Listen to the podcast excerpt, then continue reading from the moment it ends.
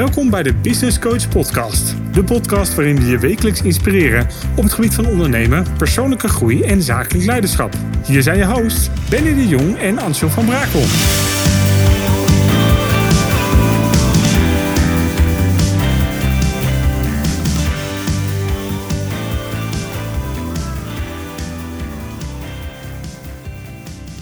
Leuk dat je luistert naar een nieuwe aflevering van de Business Coach podcast. En vandaag te gast voor de tweede keer Gerard Klerk. En vandaag gaat Gerard jou alle ins en outs vertellen over het maken van een winstplan.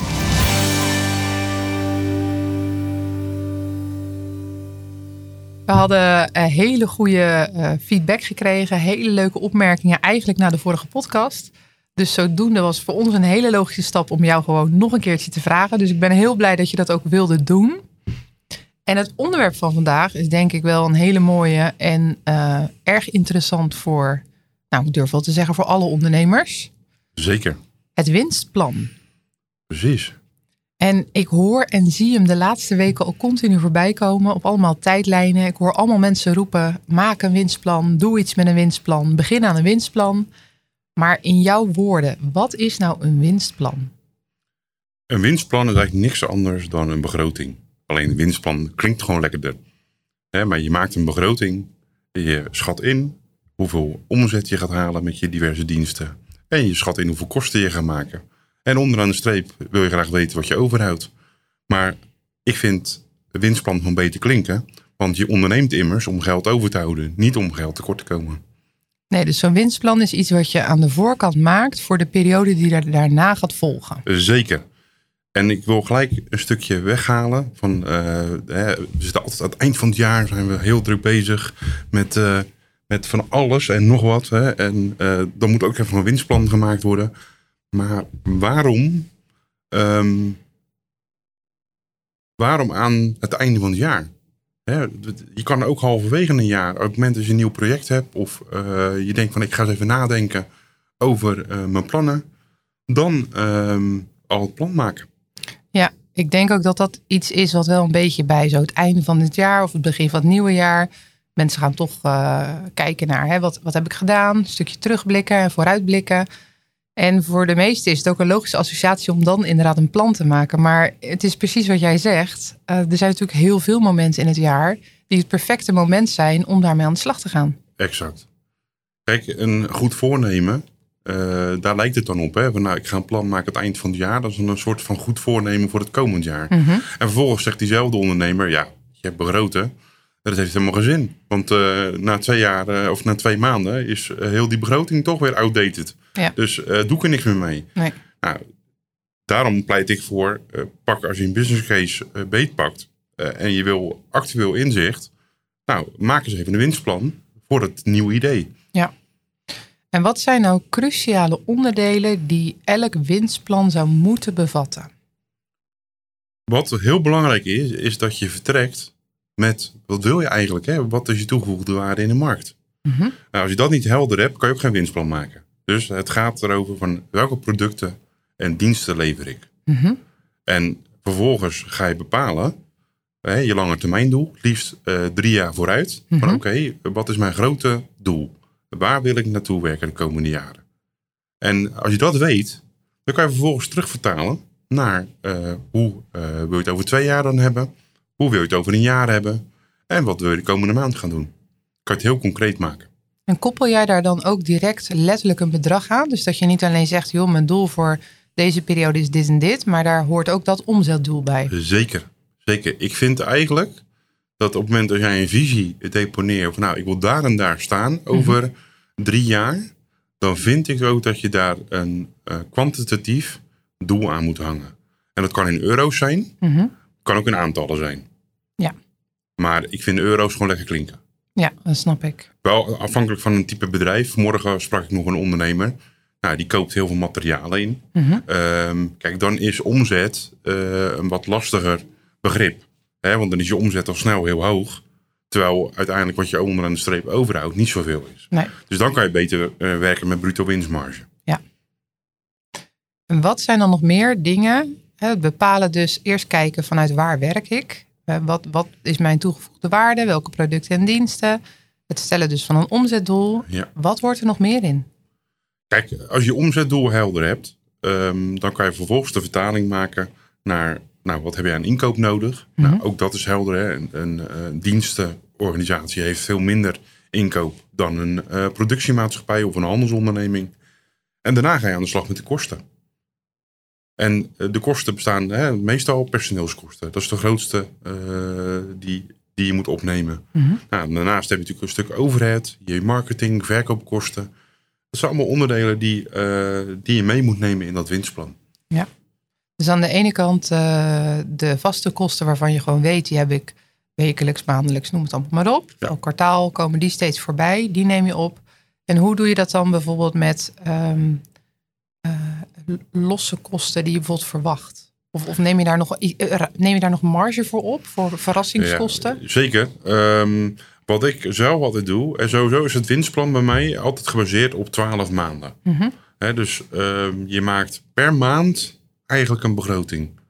Dus niet eh, op jaarbasis. Hè, want Ja. eh, als je jaarbasis doet, dan heb je een heel groot kolom met, met Ja. waarden.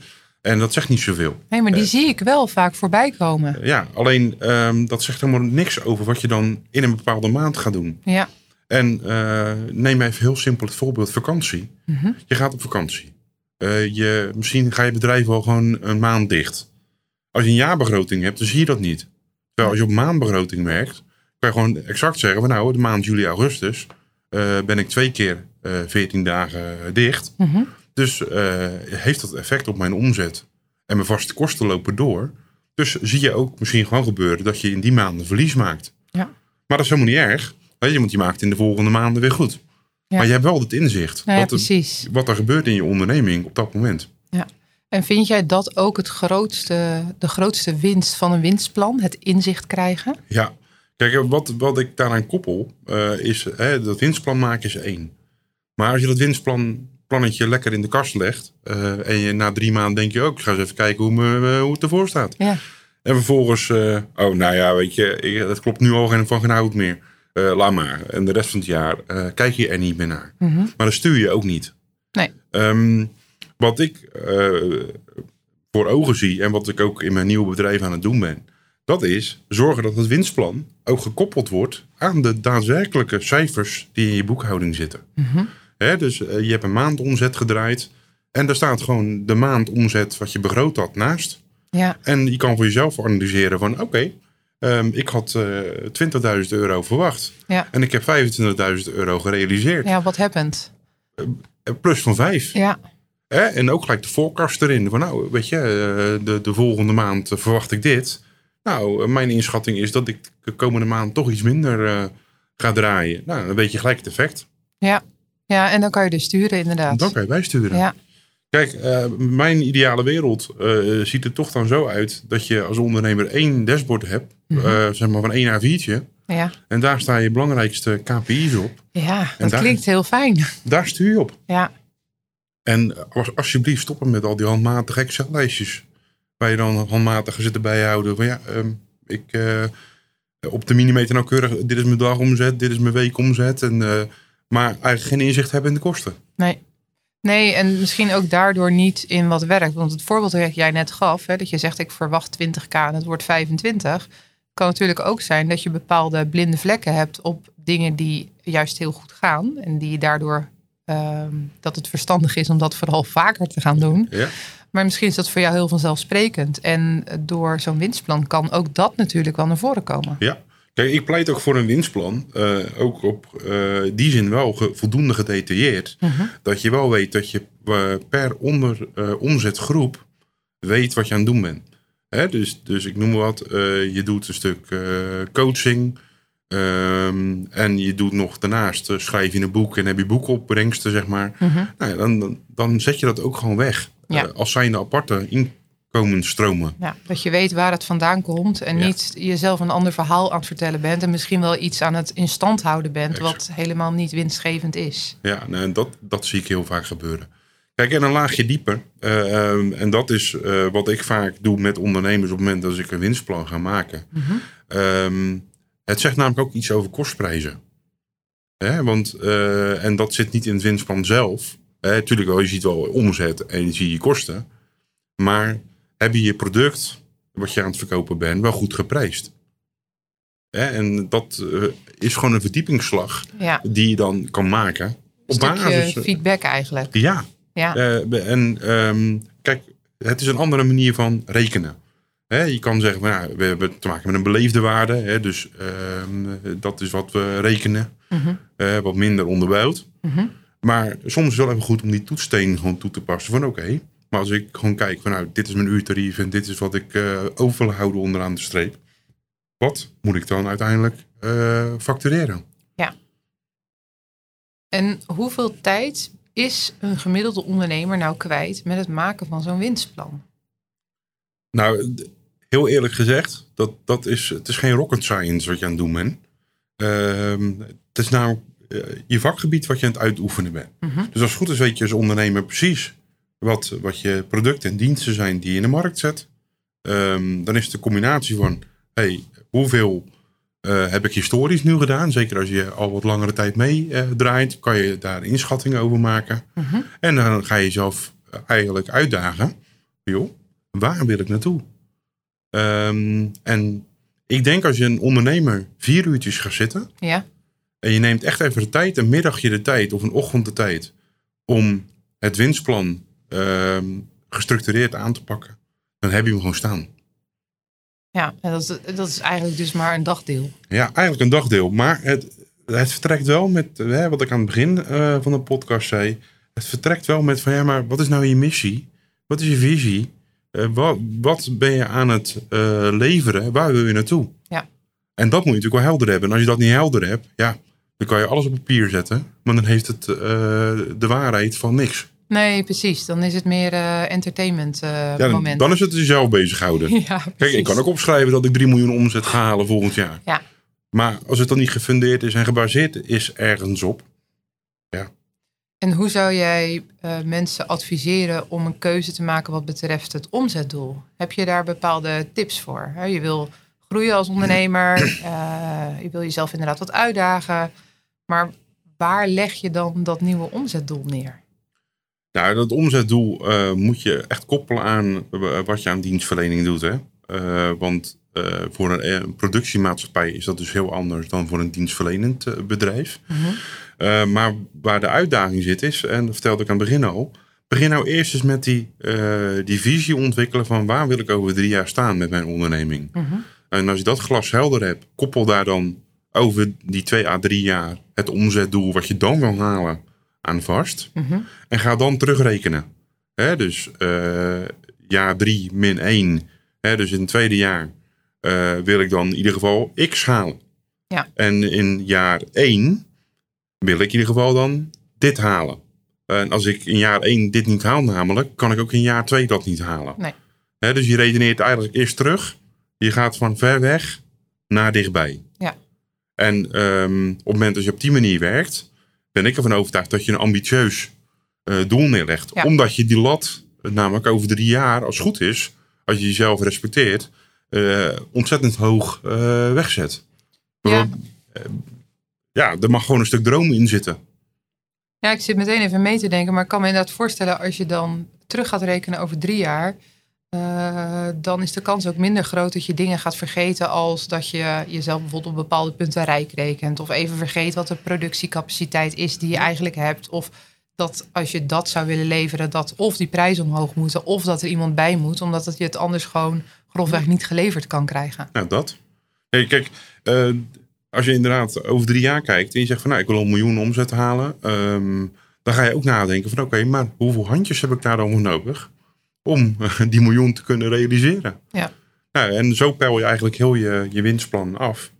Eh, en zo kan je hem dus dan vervolgens terugrekenen naar het heden. Mhm. Maar dan weet je dus ook van oké, eh, als ik dus volgend jaar eh, x wil groeien, heb ik zoveel externe handjes nodig, of Ja. zelfs personeel nodig, om dat te gaan realiseren. Ja. En dat betekent ook dat je dus niet gaat wachten tot, totdat je het geld op de bankrekening hebt staan. Ehm, maar je gaat daadwerkelijk proactief aan de slag met het werven van personeel. Ja, je gaat de acties eraan Je koppelen gaat, ja, inderdaad. exact. Je, Ja. je gaat er natuurlijk wel, eh, je gaat anders denken. Ja, ja, en dat zal ook wel moeten. Want als jij natuurlijk voor jezelf hebt bedacht dat je in de Q2 iets wil doen, dan zal er het kwartaal ervoor zal je al flink aan de bak moeten. Ja, ja, precies. Kijk, en dan heb je niet altijd natuurlijk de omzet ook. Nee. En dat is natuurlijk het vak van ondernemen. Ehm, heb jij het geloof dat je eh, het verschil gaat maken in de markt met de dienst die jij levert, Mhm. en jij, jij bent ervan overtuigd dat die markt daar rijp voor is, dan eh, kan je ook dat lef tonen om te zeggen, nou, ik ga personeel aannemen, terwijl ik de omzet nog niet heb. Ja, maar dan eh, ben je dus eigenlijk toch aan het beredeneren vanuit een stukje meting en vanuit eh, wat je op papier hebt staan, in plaats van dat je het vanuit je eh, gevoel gaat doen. Wat natuurlijk, dat hadden wij in het voorgesprek hadden het daarover. Dan krijg je natuurlijk dat Russisch roulette eh, ondernemerschap. Ja, ja. En dat geeft natuurlijk mega veel stress. Tuurlijk, want dan, dan weet je niet waar je mee bezig bent. En dan wil je groeien. Maar ja, eh, ja kan ik die salaris wel betalen? Ja, dus een stukje eh, risico durven nemen wordt makkelijker. De sprongwagen wordt makkelijker op het moment dat je inzicht hebt in die cijfers. Ja, daar ben ik van overtuigd. Dat je eh, met informatie, hè, dus realiteit, dus waar je staat in, in, in het heden, Mhm. op basis van je administratie die er natuurlijk bij moet zijn. Ja. eh, en eh, je winstplan waarbij je eigenlijk je dromen eh, toevertrouwd hebt aan papier. Hè? Want dat is, wat je, dat is eigenlijk het winstplan. Hè? Je, je vertrouwt je droom toe en dat vertaal je in getalletjes. Ja, ja, en dat koppel je dan vervolgens weer aan een actieplan. En dat kan je vervolgens Ja. gewoon letterlijk direct inplannen, bij wijze van spreken in je agenda. Om eh, de acties die erbij horen eh, te gaan, eh, gaan starten. Ja. Ehm, stel, de ondernemer maakt zo'n winstplan hè, aan de voorkant. Het gevaar is, zei je al, hij blijft op de plank liggen vervolgens. Hè, we pakken hem er niet meer bij. Hoe kan je dat nou een beetje ja, meenemen in de routine om zo'n winstplan wat vaker tevoorschijn te halen? Nou, volgens mij heb ik het al ergens een keer laten vallen. Wat ik heel belangrijk vind, is dat een winstplan gekoppeld wordt ehm, aan een dashboard of iets dergelijks. Ja. Want eh, dan koppel je namelijk de eh, realisatie en de begroting, Mhm. koppel je aan elkaar op maandbasis. En je kan gewoon zien waar je staat. Ja, dus dan heb je eigenlijk een maandelijkse evaluatie Ja. van het plan wat je hebt gemaakt. Dat. En op, dan eh, ligt hij eigenlijk niet meer in de la automatisch, want hij zit gewoon in je, in je informatievoorziening waar jij als ondernemer op stuurt. Ja, en dan kan je dat gewoon elke keer kan je dat mooi meenemen. Ja, en dat eh, kan halverwege de maand, dat kan eh, op elk moment. Wel randvoorwaardelijk natuurlijk, je administratie moet op orde zijn. Ja, je moet wel bij zijn. Je moet wel bij Ja. zijn. En ook daar zie ik nog een grote uitdaging. Is dat, dat ondernemers niet altijd goed bij zijn. Ja. Eh, eh, een jaarrekening die, het is nu december. En de jaarrekening 2022, die ontbreekt nog. Die is er niet. Ik herken de voorbeelden ook inderdaad. Van het maar uitstellen en het maar uitstellen. En voor mij voelt dat dan ook altijd heel erg als dat het voor de vorm wordt gedaan. Maar dan ga je natuurlijk compleet het doel ook voorbij van wat het, eh, wat het is. Kijk, een jaarrekening is, eh, pa- pas hoorde ik iemand zeggen, dat is gewoon een geschiedenisboek. Mhm. En zo moeten we het ook waarderen. Eh, het is interessant, het is vooral fiscaal interessant om dingen goed vast te leggen in je jaarrekening. Maar eh, wat ik veel belangrijker vind is, hoe gaat het in het hier en nu ten opzichte van eh, wat je verwacht had dat het zou moeten gaan. Als iemand nou zegt, ik wil aan de slag. Kijk, je kan natuurlijk zelf gaan zitten met een, eh, een notitieblokje en noem het dan maar op. Het zelf een Excel gaan maken, dat is natuurlijk ook een optie. Zeker.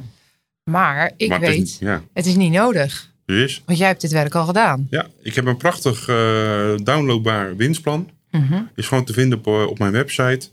Ehm, we zullen in de ondertiteling ongetwijfeld zeggen van hey, waar, die, eh, waar we hem kunnen vinden. Ja. Maar ehm, daar kan je hem downloaden. Ehm, dat is één.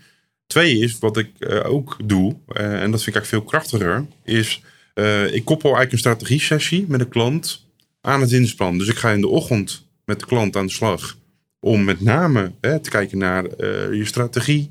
Waar wil je staan over drie jaar? Mhm. En, en dan vervolgens die vertaling te maken samen met die ondernemer naar het plan. Ja. En dan, wordt die, ja, dan heb je heel veel waarde in de vorm van een strategie-sessie. Waarbij ik echt de ondernemer aan het denken zet van oké, maar ja, waarom wil je dat doel dan? En ehm, wat is voor jou haalbaar? Eh, en lekker over sparren. Mhm. En dan vervolgens vertalen in, ehm, in het model. Ik, kan me ook voorstellen dat dat het werken met cijfers, waar de een gewoon onwijs op aangaat en de ander gewoon, nou ja, een duikende beweging eh, bij maakt, Ja. eh, ook een stuk leuker maakt als je het op die manier aanvliegt. Ik ben ervan overtuigd dat het een leuke manier is. Kijk, ehm, ik ben zelf ook iemand die. Ik vind cijfers inderdaad leuk. Maar ik ben geen eh, accountant of in die zin heel erg gedetailleerd. Hè? Dus ik, ik begrijp ook heel goed die ondernemer. Die veel liever bezig is met het verkopen van een installatie of het verkopen van een traject. Dan dat hij zich druk maakt over, van, ja, oh ja, eh, hoe gaat dat financieel eigenlijk? Ja. Kijk, en, ehm, ik hoorde gisteren nog een interessante uitspraak en die wil ik toch hier ook neerleggen. Kijk, een klant, eh, je kan een klant binnenhalen en je kan een klant offreren en je kan een klant factureren. Maar op het moment dat die klant vervolgens niet betaalt, heb je nog steeds niks.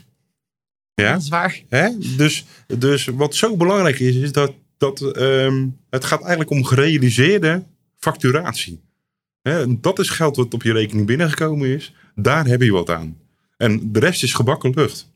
Ja. Hè? Je kan een prachtige offerte hebben, je kan een prachtige factuur uitschrijven. En vervolgens als je dan eh, ellende krijgt met die klant, omdat hij niet kan betalen, dan heb je saldo niks. Dan heb je vooral hard gewerkt. Ja, een bakje hoofdpijn waarschijnlijk. Ja, plus inderdaad dat je er ziek van bent. Ja, verdraait nog toe. Waarom betaalt die klant nou niet? Dus die bewustwording eh, wil ik ook graag wel meegeven. Ja. Wanneer reken je nou omzet als omzet? Wat zijn eh, voor jou valkuilen als mensen nou aan de slag gaan hiermee? Ze kunnen hem bij jou downloaden. Volgens mij heb je er een specifiek voor ZZP en voor het MKB. Ehm, ik heb drie varianten. Ik, heb er eentje voor het ZZP zonder personeel. Ja. Ik heb er eentje eh, voor een eenmanszaak met personeel. Mhm. En die is ook te gebruiken voor de VOF-variant overigens. En ik heb hem voor de BV. eh, voor de BV met personeel. Wat zijn nou eh, punten waarvan je zegt, daar, als je hiermee aan de slag gaat zelf, moet je even scherp op zijn. Want daar zie ik het wel eens, daar zie ik wel eens wat ruim gerekend worden of wat creatief gedaan worden. Nou, ten eerste moet je zorgen dat je je omzet echt eerlijk berekent. Want de rest baseer je daarop. Mhm. Daarnaast eh, vergeet gewoon je grootste personeelskosten niet. Want die, zijn, eh, die maken gewoon vaak eh, misschien wel 60, 70 procent uit van je kosten. Dus je moet zorgen dat je dat echt goed inschat. Dat betekent ook eh, dat je goed na moet denken over wat is eigenlijk eh, het bruto loon wat je uit moet betalen. Wat is, zijn de extra werkgeverslasten ehm, die je eh, ook moet afdragen. En neem bijvoorbeeld, eh, ga een medewerker zelf pensioen afdragen? Of ga, moet jij dat als eh, werkgever doen? Dat zijn allemaal elementen die zitten in het model versleuteld. Hè? Dus in het model kan je aangeven hoeveel percentage voor welk onderdeel is. Maar je moet het wel even checken. Ja. Want je kan er echt nat mee gaan. Stel dat jij een, eh een 13e maand afspreekt met je personeel. En je verwerkt dat niet goed in het overzicht. Ja, dan eh, Ja, kan dat soms. eh, kijk, kan aardig, eh, kan aardig. Ja, in noem- de papieren lopen dan. Precies. Kijk, als jij, ik noem wat, 24.000 euro normaal aan salaris betaalt per maand aan allemaal medewerkers, dan is dat in de laatste maand ineens 48. Ja. Moet je wel even rekening mee houden. Ja, dan gaat het, dan gaat het inderdaad hard. Ja. En wat betreft die marge waar we het al eerder over hadden, wat, eh, eh, heb je daar een kopje voor in staan ook? Voor dat, dat ze nog wat, wat ruimte extra reserveren voor eh, verrassingskosten? Ik vind altijd, je moet als stelregel houden dat je 5% onvoorzien opneemt. Oké. Dus dat moet je eigenlijk altijd standaard gewoon doen. Ja. 5% onvoorzien voor dingen die, ja, die je niet had verwacht. Datzelfde, eh, een soort risicoopslag ook. Hè? Dus dat je een soort risico incalculeert van, nou ja, weet je, ik ben gewoon ook ondernemer. Ik neem risico. Dus ik eh, kies ervoor om 5% risico in te calculeren standaard. En nou ja, sommige kosten is natuurlijk één keer even goed uitzoeken. Het kan natuurlijk wel zijn dat er jaarlijks een kleine verandering in komt, maar ehm, dat verandert meestal niet heel erg. Dus dat is denk ik het meeste uitzoekwerk. Hè? Eventjes die check doen. Ja, en welke check ik ook mee wil geven. En ik betrap mezelf er ook op hoor. Ik ben ook in die zin niet anders dan andere ondernemers. Die eh, zinkkosten eigenlijk. Hè, Dus eh, ergens een abonnementje afgesloten. Eh, ergens een online toeltje. Ja. Al een, een jaarabonnementje voor gesloten. En vervolgens doe je niks met dat toeltje, maar je hebt wel het abonnement lopen. Ja. Dus wees ook gewoon één keer per jaar kritisch. Kijk eens door je kosten heen. Wat loopt er allemaal en, wat heb, ik allemaal nodig? Nou ja, vooral heb ik het nodig. En dan kom je er vaak achter dat je zo weer 100, 200, 300 euro eh, kan wegschrappen uit je, eh, uit je kostenpatroon. Omdat je ja, toch even een keer in de valkuil weer gestapt wordt. Oh, dat lijkt me interessant. Ik schaf het toch maar aan. Ja, en meestal krijg je inderdaad ergens nog wel een mailtje van binnenkort wordt die verlengd. Eh, Eh. dat zijn dan de mailtjes die altijd komen als de inbox al helemaal vol zit. Dus daar denk ik, oh ja, dat moet ik niet vergeten. En vloeps, hij is alweer afgeschreven. Dat. Ja, precies. Nee, dat is een hele, hele goede. Dus eigenlijk nog een reden om ermee aan de slag te gaan met zo'n winstplan. Ja. Omdat het dus ook weer even een moment is om dus kritisch te kijken naar bepaalde uitgaven. Ja. Of die wel eh, noodzakelijk nog zijn in het komende jaar. Exact. En dan ben ik nog één heel belangrijk ding vergeten. Wat hier eh, nog niet hiervoor aan de orde is geweest. Dat is het hele stuk belasting. Hè, in mijn model heb ik ook gewoon ingebakken van hey, hoeveel BTW qua omzet eh, moet ik eh, reserveren. Ja, maar ook wat je hè, aan inkoopkosten en dergelijke hoef je natuurlijk juist weer, kan je die BTW weer aftrekken. Hè? Dus dan kunnen reken ik gewoon uit per saldo wat je dus moet betalen. Hè? Dus eh, gewoon per, qua percentage van eh, de omzet. Hè, dus, dus je kan ook gelijk die vertaling maken in de toekomst van oké, als ik dit ga realiseren, Ja. moet ik dit ook reserveren. dan eh, die verwachting is daarin meteen duidelijk. En dan Ja. kan je natuurlijk ook daar mooi weer op gaan voor selecteren. Dus het bedrag bijvoorbeeld al apart gaan zetten. Dat. Hè? En dan ben je gewoon actief bezig met cashmanagement. Ja. Ehm, en eh, het niet lenen van de fiscus, wat, omdat het zo makkelijk is. ik wist dat je deze ging zeggen. Ik moest er meteen aan denken in onze vorige afleveringen. Voor de luisteraars die nu luisteren en die nog niet gehoord hebben. Ik kan je echt aanraden die even terug te luisteren. Eh, daar hebben we het ook over een van de meest gemaakte fouten. Namelijk gaan schuiven met geld wat eigenlijk niet van jou is. In dit geval het belastinggeld. eh, om de gaten maar te vullen. Dat. En dat risico is het grootst met BTW. Mhm. Hè, om daarmee eh, gaten dicht te lopen. Niet doen. Kijk, IB, VPB vind ik al een iets ander verhaal. Eh, daar kan je mee schuiven. Dat, dat is wettelijk ook mogelijk. Dus daar ben ik iets minder krampachtig in. Maar BTW gewoon niet doen. Mhm. En, en daarnaast loonheffingen. Loonheffingen is ook gewoon iets, dat kan je gewoon incalculeren en begroten. Namelijk je personeel. Moet je loonheffingen betalen. Betekent gewoon dat je dat, eh, je weet gewoon wat je moet afdragen. Ja, als je in januari salaris betaalt, moet je in februari betalen. Ja. Nou, dat, dat moet je eigenlijk in januari gewoon gelijk apart zetten. Ja. En ook gewoon vasthouden op die manier. Dan ontstaan er geen verrassingen. Nee, precies. Zodat je niet eh, dat dan inderdaad de aap uit de mouw komt. En, want ook dat soort dingen komen ook altijd allemaal tegelijk. Ja, precies. En dat wordt spannend. Hè? Zeker als we net vertelden van je hebt een omzetdoel voor ogen. Je wil groeien.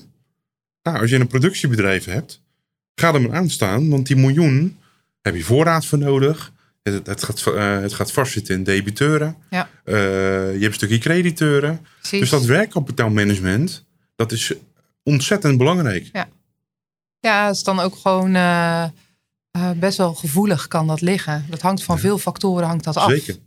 Je zou niet het eerste bedrijf zijn wat failliet gaat. Niet vanwege de goede winstgevendheid, maar vanwege het gebrek aan liquiditeit. Ja, en dat zijn altijd van die verhalen die lijken heel ver weg. Maar dat is eigenlijk helemaal niet zo. Nee, nee het risico bestaat gewoon eh, bij iedere ondernemer. En hoe goed een ondernemer ook eh, acteert, hij moet daar wel gewoon oog voor hebben. Dat dat effect er is.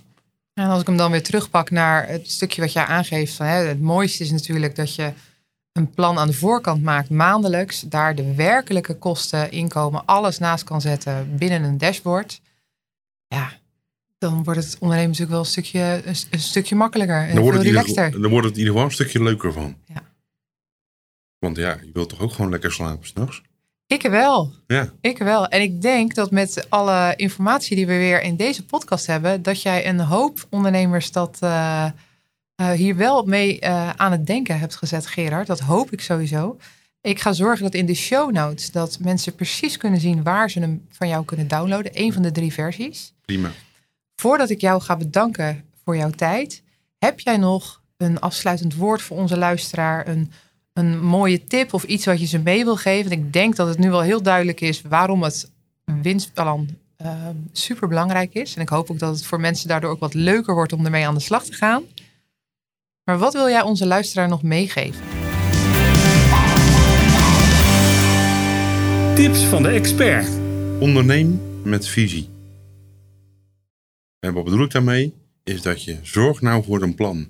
En een plan niet voor een halfjaartje vooruit, maar denk eens na over die wat langere termijn. En vervolgens vertaal dat nou eens terug in concrete stapjes. Top. Ja, heel mooi Gerard. Ik denk ook uh, dat op die manier geef je jezelf ook de meeste kans om echt hetgene te behalen wat je wil behalen. Zeker. Ben ik van overtuigd.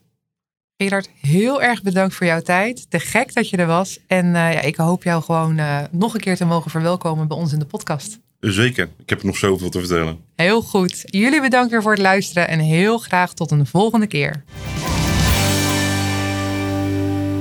En ben jij nu klaar om direct aan de slag te gaan met jouw winstplan? Ga dan naar www.admodem.nl slash winstplannen middenstreepje downloadpagina.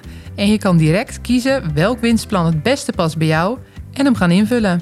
Vond je dit trouwens een toffe aflevering? Vergeet hem dan vooral niet te liken en te delen binnen jouw netwerk. En dan zien we je heel graag de volgende keer weer.